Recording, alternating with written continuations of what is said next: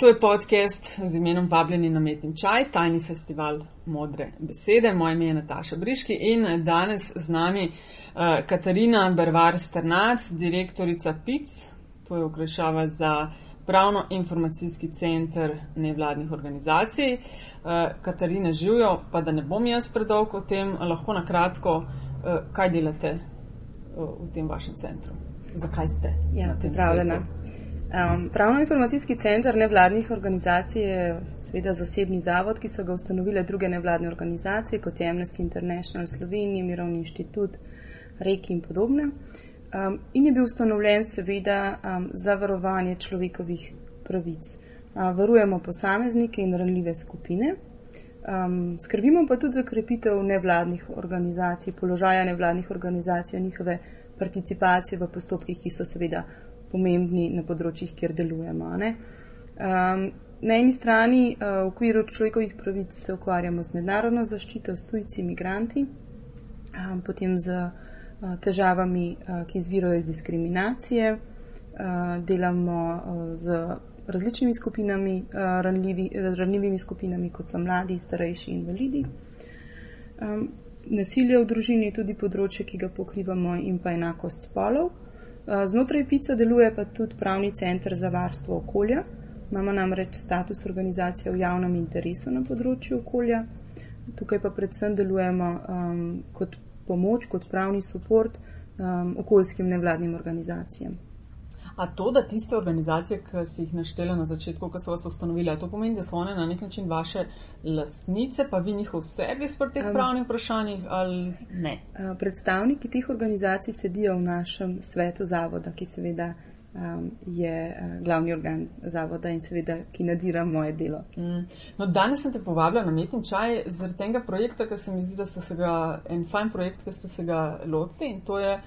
Uh, mislim, da ima delovni naslov, ste danes ste že plačali, mesec. ste ja. ta mesec, pardon, že ja. plačali uh, preživnino. Uh, mhm. Da je malo povedal, kaj gre.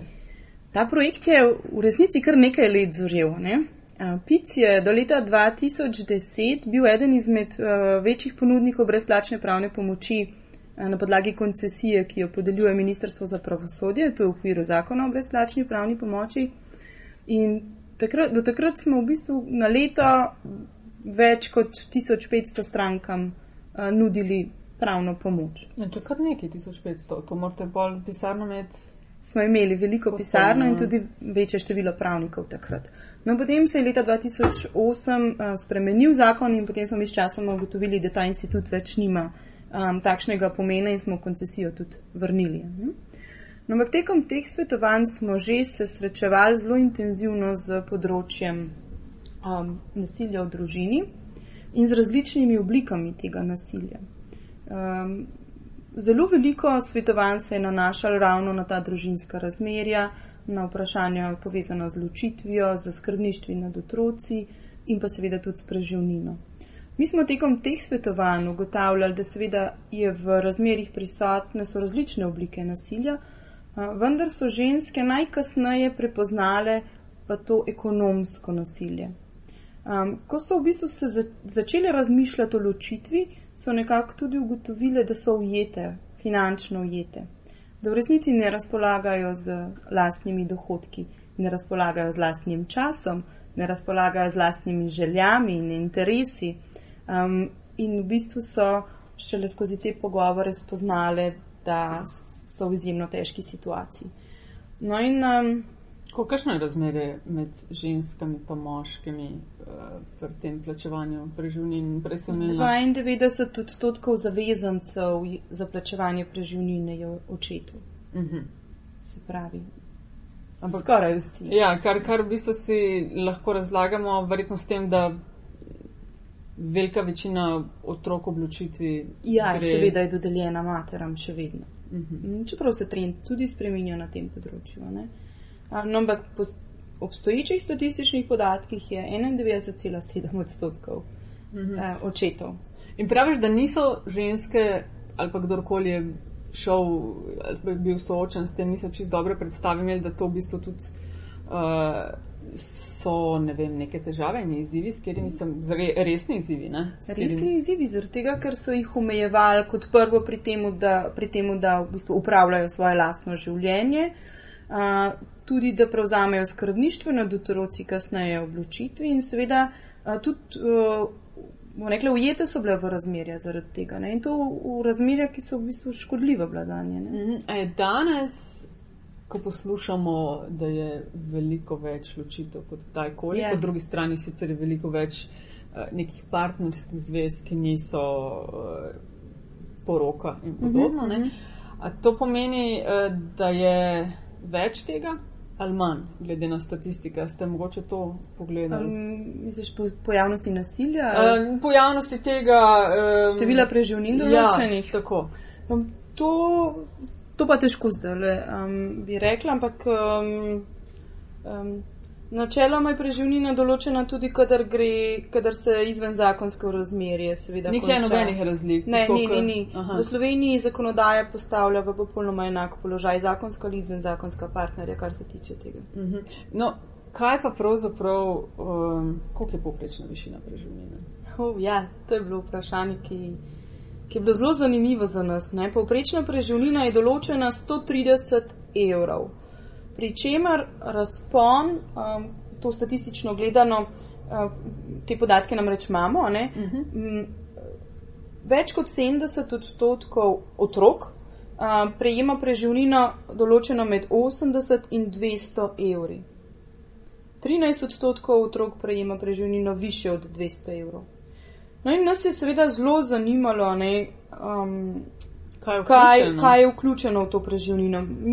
Tega nismo ugotovili, um, ker je pač tako različno, uh, se, se ta znesek, bom rekla, različni, raz, sodišča to različno uh, delajo. Ne. Potem smo pa se odločili, da bomo sami naredili analizo uh, tega, kaj, koliko naj bi preživnina v resnici znašala. Naredili smo uh, tabelo, kamor smo umestili naprimer mesečne stroške povezane s preživljanjem šoloobveznega otroka. Potem letne stroške, polletne stroške in pa tiste, ki se pojavljajo naprimer na tri leta, pa smo jih potem, uh, če se temu reče, tako indeksirali ne, okay. na vrednost na en mesec. Predpostavljali smo, da mati in otrok živita naprimer v najemnem stanovanju, za katerega plačujete najemnino 300 evrov, ali pa da ima naprimer mati 300 evrov kredita za stanovanje ali splačilo deleža očeta. Um, to je bila ena predpostavka, potem da mesečni stroški naprimer znašajo 100 evrov. Hrana je to? Ne, okay. to je ugrevanje, upravljanje, Aha. voda, plin in podobno, komunala. Pričemer, zdaj, če vzamemo ta znesek 100 evrov, temu rečemo po domače SPL. SPL, ker je pač SPL upravljalec večine stavb.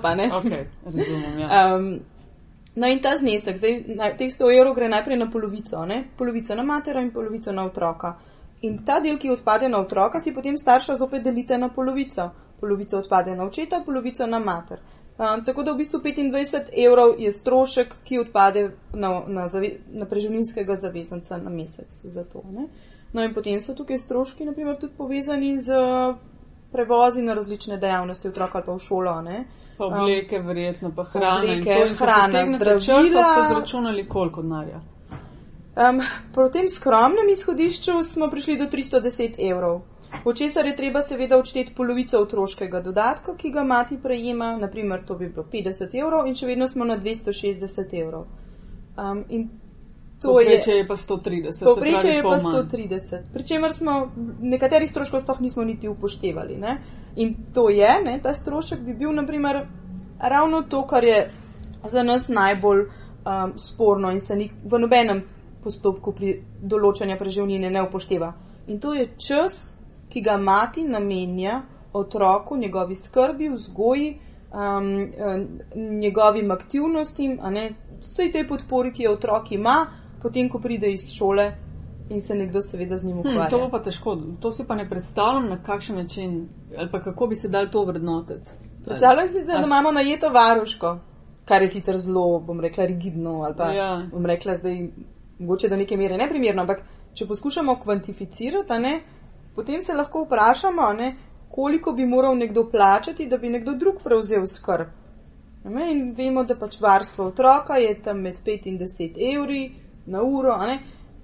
Sej, govorimo predvsem o tem, kakšne, kakšne so izhodišča pri, pri, pri mhm. določanju teh preživnin in kaj vse v resnici sodišča upoštevajo in česa, na kar sploh ne pomislijo. Ne? Mhm. Koliko otrok je pri nas? A imamo kakšen podatek, koliko ja. otrok je pri nas eh, upravičenih? Okrog 60 tisoč otrok. Mečkaj manj kot 60 tisoč otrok je upravičenih do preživnine. Pa se beleži, da so kle na področju plačevanja preživnin, uh, je veliko kršiteljev ali uh, te stvari so razmerno dobro tečejo. Največ teh podatkov lahko zajamemo za statistiko, ki jo vodi javni jamstveni preživninski in invalidski sklad Republike Slovenije, ki je seveda institucija, ki je zadolžena za izplačevanje nadomestil preživnine kadar tega zavezanci ne počnejo.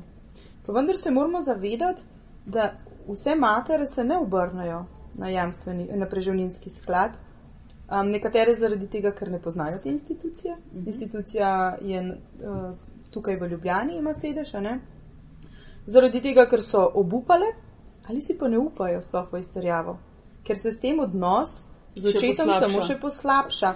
Jamstveni preživninski sklad um, beleži približno, mislim, da v tem letu nekaj več kot 8 odstotkov neplačnikov v celoti. Uh mhm. -huh. Mi ocenjujemo, da to da ni več. Seveda, tega. da jih je bistveno več. Kaj pa recimo da... gospe, ženske ali pa tudi moški, ki pridejo k vam, ki se k vam obrnejo po pomoč uh, pravno. Uh -huh. uh, kakšne težave navajajo? Uh, ok, omenila si, da jih je ene strah, da se bi odnos še poslabšal. Uh -huh. uh, kaj še? Um, matere se pri, k nam obrnajo um, v, z vprašanji, kako izterjati preživnino, um, pri čemer je seveda problem sam izvršilni postopek in neučinkovitost tega izvršilnega postopka, uh, dejstvo, da uh, je dosti premoženja še vedno skritega in ni mogoče predlagati izvršitve na sredstva, ki niso seveda nikjer zabeležena. Ja. Zapletenost teh postopkov, seveda vse ta administrativna bremena, ki prinesajo um, samo izterjave, ki so del same izterjave, um, to, da se matere ne znajdejo, da so neki, seveda do neke mere tudi utrujene. Mhm. Um, da svojo energijo po eni strani namenjajo tako otroku, lastnemu zaslužku, in po drugi strani potem se še ukvarjajo samo izterjavo te preživnine. Um, potem se obrnejo na nas z vprašanjem, kako zvišati preživnino. Ne, to je seveda potrebno zopet narediti skozi sodni postopek. Se, kako se pa določa ta višina? Sodno se določa. Na podlagi tega dohodkov, ki jih ima. Uh, Izhodišče so potrebe otroka. Ne? Okay, seveda se pa te potrebe otroke usklajuje s, preži, z možnostjo preživninskega zavezanca. Ne, tukaj se najde en kompromis. Če pogledamo, naprimer, povprečno plačo v Sloveniji, ki je 980 evrov neto, mislim, da je trenutno, ne?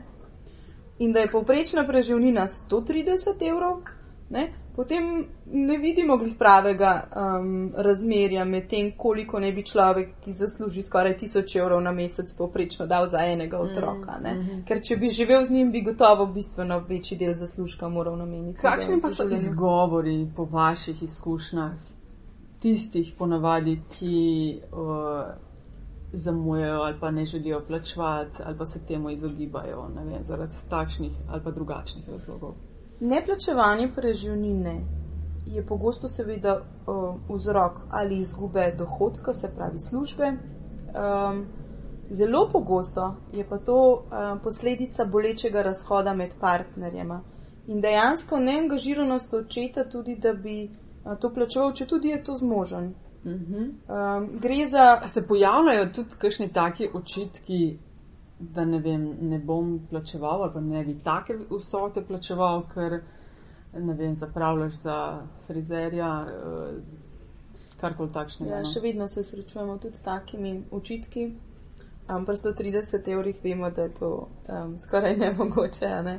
um, da bi ostalo še kaj za mater, um, da bi si um, privoščila kaj več. Um, tako da, ja, to, pogosto je to. Uh, drug vzrok, ki se mi zdi pa zelo pomemben in je v bistvu tukaj predvsem apel na matere, ne, je pa, da um, omejujejo stik uh, otroka in mhm. očeta. To je treba imeti popolnoma ločeno. Ne. To, da ima otrok pravico do stika z očetom, ne more se navezovati kakorkoli na plačevanje preživnine in seveda obratno. Ja, to je teorija, ampak se verjetno obe veva, da v praksi pa te stvari V praksi išče. govorimo pa zelo intimnih uh, Ja. razmerih, bolečih razmerih, um, ki se dolgo časa ljudje pot- potrebujejo, da se spet na noge postavijo in je seveda to nujno povezano. Ampak eh, namen tega projekta je ravno tudi to, ne, da um, preživnina ne more biti vprašanje povezano z drugimi aspekti tega razhoda, se pravi z stiki, z odnosom z materjo, po ločitvi. Pa se da urediti, recimo, če so že kakšne takšne težave med uh, ex-partnerjema, mm. da se recimo preživnina ne plačuje staršu, ampak otroku, ki ima recimo pol dostop do tega ob, ne vem, asistenci centra za socialno delo. Ne. Namen preživnine je v resnici sprotno pokrivanje stroškov. Ne? Tako da kakršna okoli umestna faza bi seveda oddaljevala mati od tega, da razpolaga z denarjem, ki ga pa seveda potrebuje na mesečni ravni. Ne? Um, takšne ureditve sicer ne poznam, da bi preko centra za socialno delo, ne? ker um, to Ali pa da bi tudi- del mogoče, ne, Mhm. del daš, ne vem, staršu, ker do preživnine so verjetno upravičeni do polnoletnosti, ne? Ali In sicer tudi čez, če so vključeni v redni, v redni študij do Ja. 26. do 26 leta, ne? Ker mogoče si, ne vem, predstavlja, da ok, neki, neki so redni stroški, pa bi se del dalo Mhm. uh, staršev, del pa na otrokov eh, račun. A Takšnih primerov pa nas nimamo in zakaj ne? Um, ker ni nobene. Ne bi, ve, nimam informacij, Aha. Da bi se na ta način tudi urejal, čeprav obstajajo različni načini, kako se preživnina lahko plačuje ne, in kam in kako. Um, ampak vendar se mi zdi, da moramo najti rešitve, uh, ko staršu, ki skrbi za otroka, pomenijo v bistvu olajšanje bremena, ki sicer z preživljanjem otroka, finančni mislim, nastaja um, Mhm. mesečno in je treba sproti zagotavljati denar za to. Ne. Se mi zdi kar um, tako. Kar malo kompleksno področje, no, da zna biti. Sicer s- nekako sem optimistična, če je samo še vedno preveč, ampak 8 odstotkov recimo kršiteljev ali pa uh, neplačnikov, kar pomeni vse, da- Prepoznanih, ja. Prepo, aha, prepoznanih, ja. Ja. Točno, jaz sem si omenila, da ne vemo, Ja. koliko je pa. Po, po našem občutku ne, je to bistveno širši problem. Ker tukaj tega- govorimo o teh, ki niso že nekaj časa plačali, ne plačujejo redno. Ne. So nekateri tudi, ki konstantno zamujajo ali pa pač materi, ki zgolj zaradi nerednega plačevanja ne vlagajo pre, iz- izvršbe. a Ne. Mm -hmm. Tako da um, to je en delež. Mi Se na vaš to- center samo eh, ženske v glavnem obračajo ali ste mi tudi moške? Pridejo tudi moški, ki v bistvu zaradi nekih spremenjene življenjske situacije poskušajo znižati preživnino. Ne? Aha, ženske In tukaj v glavnem prihajajo, da bi dobile in kako jo uh, Izterjati, moški pa kako znižati. Ali, Ja, ali narobe? večinoma. Aha, večinoma. večinoma. To je velika večina. ne. Um, Pri čemer je naše prvo upozorilo, ne, da dokler ni za sodno odločbo določena nižja preživnina, je oče še vedno zavezan plačevati tisto, ki velja do takrat. Okay, Da kaj ne pa, more se njemu spremeni, njemu ali pa njej, kakorkoli, spremeni življenjska situacija, ne vem, izgubi delo, štarta novo familijo, pa v tisti familiji mogoče recimo partnerka ali pa partner izgubita delo, pa more kar naenkrat za celo familijo skrbeti? To je spet, Takrat je ne, treba ne mudoma vložiti, um, seveda ali tožbo ali predlog za znižanje preživnine in potem sodišče mora v tem odločiti. koliko hitro pa meljajo za res te sodne mlinje. Ja, zelo različno. Ne? To, tukaj, ko govorimo o teh, bom rekla, spremenjenih življenjskih situacijah, bi seveda pričakovali hitrejše rešitev. Um, nimam pa zdaj podatkov, koliko to v povprečju traja. Ok, uh, to, no, to me je zanimalo s, te- s to preživnino, no, ker se mi tudi zdi, da takšne stvari, ki jih uh, delate na vašem centru, da, da, da so pravna znanja nekaj, kar nas velik nevladnih organizacij je zelo šipkih uh, na tem področju mm -hmm. in je fajn, da se nekdo ukvarja sploh s takimi občutljivimi področji, kot so vem, človekove pravice, mm -hmm. enakost spolov in uh, podobne stvari. Ne. Ja, zato si tudi zelo močno prizadevamo, da bi se zakon o brezplačni pravni pomoči ponovno spremenil um, in zagotavljal dostop do prvega pravnega nasveta, kot je bilo to pred letom 2008. Se pravi, brez preverjanja, ali oseba izpolnjuje finančni in premoženski cenzus. Za... Če, če te prav razumem, do 2.8 se je dalo dobiti pravni nasvet za to, ne glede na to, ali pa brezplačno, koliko ja. temu rečemo, ne glede na to, ali boš potem še potreboval to pravno pomoč in boš sposoben to tudi uh, ja. plačati. Zdaj pa to. Ne, do leta 2008 je bil ta prvi pravni nasvet, nasvet zelo široko dostopen, se pravi široki skupini ljudi, praktično vsi so bili v, eni, v enem pravni zadevi upravičeni do tega nasveta. Ne? To je pomenilo, da so prišli na pic, Ja. Uh, smo mi registrirali na pico, reče tudi ja. Um, smo mi to zabeležili, zabeležili smo tudi seveda, kaj je bilo vprašanje, ne vse podatke in potem smo ministrstvo za pravosodje o tem poročali.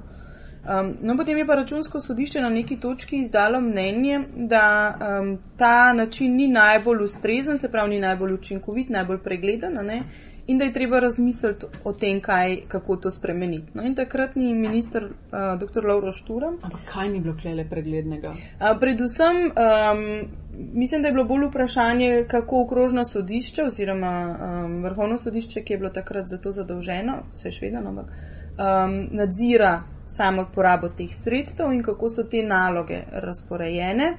Um, ker delež sredstev znotraj celega sistema brezplačne pravne pomoči za prvi pravni nasvet je bil manj kot 10 odstotkov. Čakaj, pol ni čist brezplačno, pol nekdo neki denar dobi, sam pač recimo meni ni treba plačati. Seveda, mi kot koncesionar smo prejeli za, vsak, eh, za vsako polovično uro svetovanja um, plačilo za to, seveda. Država je krila stroške tega.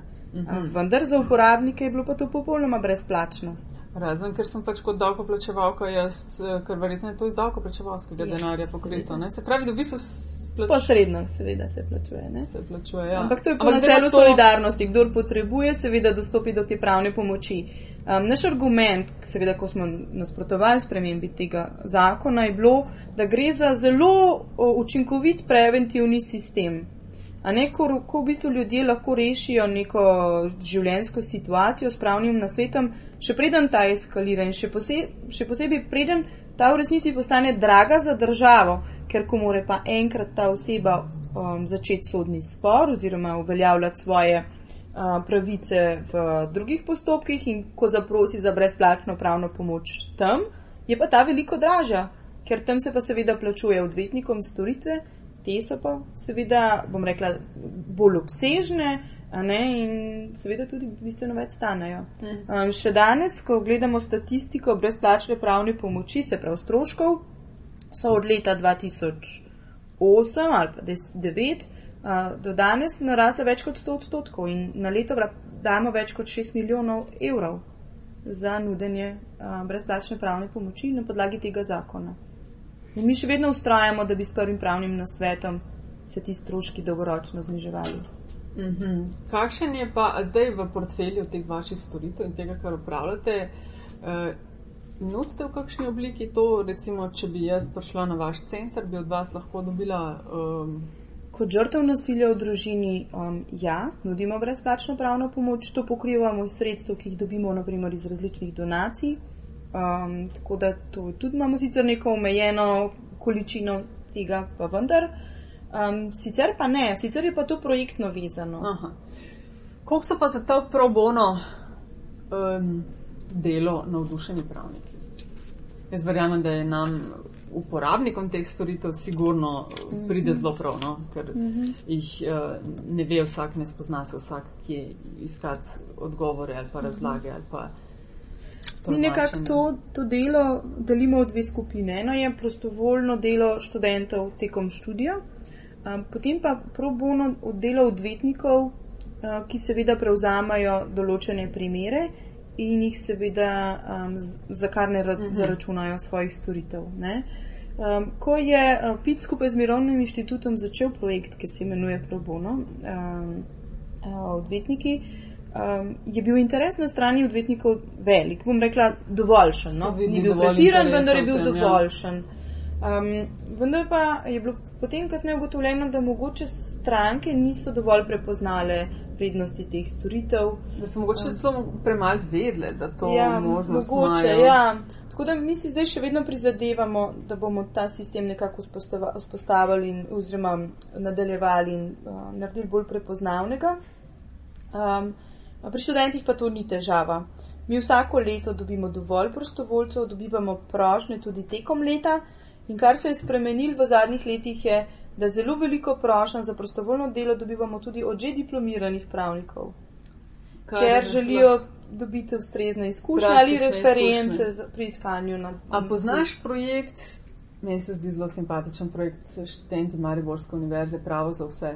Si slišala? Slišala že? sem, ja, ja. ne poznam ga pa podrobno. Ja. Ja, uh mhm. -huh. Neki mali so se predstavljali na metini listi, ampak uh mhm. -huh. organizirali so se uh, in ponujajo prav to neke probono na svetu v sodelovanju z yeah. Ja. profesori, ta, te neke osnovne nasvete. No? Ampak je, se mi zdi ravno to fajn, da se dobiva nek, da vidiš, kako je, ker si stranka v komunikaciji, ker vse je tista teorija o tistih eh, kilometrih knjig, eh, ki jih je treba preštudirati in polk si v resničen svet vržen. Moje mnenje je, da pravniki pridemo relativno neuporabni iz fakultete. Ravno zaradi tega, ker nimamo um, praktičnih izkušenj in ker se ne zavedamo, kako v resnici uporabno je pravo na, na vsakdanji ravni. In študenti, ki so prisotni pri naših svetovanjih, um, so vsi navdušeni in um, resnično postanejo entuzijastični. Ja, ker um, resnično osebo pred sabo z resničnim uh mhm. -huh. primerom in vidiš, kakšen člen, ki je deluje in se ga ja. interpretira in podobno. Predvsem so pa zelo dobro postavljeni na realna tla, um, kot seveda sedijo nasproti človeka, ki jim razlaga, da se preživlja čez mesec za 260 evri. Ne? In ta realnost, eh, ki jo potem doživi pravnik, ga lahko, bom rekla, na nek način spremeni, ne senzibilizira in seveda z vidika organizacije, kot je naša, ne, postane bistveno bolj um, primeren za delo na področju človekovih pravic. Ok, Katarina, le, pa koncu smo tega najnega čaja, te povemi, kakšen trač. Eh, preden končava, mm. pa se me ne zanimajo. Povej mi kaj, kar, kar ne vem, kar je iz tvojega področja. Ne, itak veliko ne vem, ampak recimo kakšna zadeva, ki se dogaja na tvojem področju, pa je zanimivo ali pa v tem, o čemer smo uh, klepetali, mm -hmm. pa je mhm. zanimivo, pa bi mogoče bilo še. Ja, za nas je bilo zelo zanimivo, ne, da država v resnici na letni ravni um, izplača več kot 3 milijone in pol teh nadomestil preživninskih in da preživninski sklad uspe mhm, manj kot 30 odstotkov, se mi zdi, tega izterjati, pa se vseeno nič ne premakne, ne? da bi v bistvu ta izterjava postala učinkovita, da bi država bolj zavarovala, predvsem matere, kot sem rekla. Ne? No, ampak vendar um, je bil uh, v zadnjem času narejen velik premik, um, tako da ne vem, koliko, verjetno to je ena izmed informacij, ki ni no, toliko no, znana. Um, generalna direktorica direktorata za družino, magistra Ana Vodičar, je um, sklicala sestanek različnih akterjev, se pravi tako na eni strani um, nevladnih organizacij, kot uh, Ministrstva za delo, družino, socialne zadeve in enake možnosti, Ministrstva za pravosodje, Ukrajnega in okrožnega sodišča v Ljubljani, v glavnem um, teh najpomembnejših deležnikov, uh, ki se tudi ukvarjajo s preživninami. In dogovorjeno je bilo, da bodo pri naslednji, pri pripravi nove družinske zakonodaje podrobno je preučili, kako bi to področje bolje uredili in kako bi v bistvu izterjave teh preživnin postale bolj učinkovite. Meni se zdi zelo pomemben napredek tudi v tem, da se institucije, kot so ministrstva, tega zavedajo in so seveda pripravljene narediti korak naprej. Tako da upamo, da bo ta zaveza um, ostalo v spominu tudi, ko se bo dejansko pripravljala ta nova družinska zakonodaja in da bo tudi Ministrstvo za pravosodje preverilo možnosti um, drugačnih zakonskih rešitev. Kdaj je bil ta sestanek? Mislim, da, da gospa Ana Vodičev celo ni več na tem mestu, da so imeli neke kadrovske menjave. To, Evo, moj trat za to. to je zelo nedavna stvar. Mislim, da je bilo to mesec. Ja, ja. ja. No, na sej se tako mm. gre za vsebino. Ja, ja, gre za vsebino, predvsem za ja. zavezo, ki je bila dana. Ne? Na katero bomo pa seveda mi upozorili. no, super. Ej, Katarina, fajn je bilo, hvala za klepet in hvala, hvala za družbo uh, podcastu Vabljeni na Metinčaj.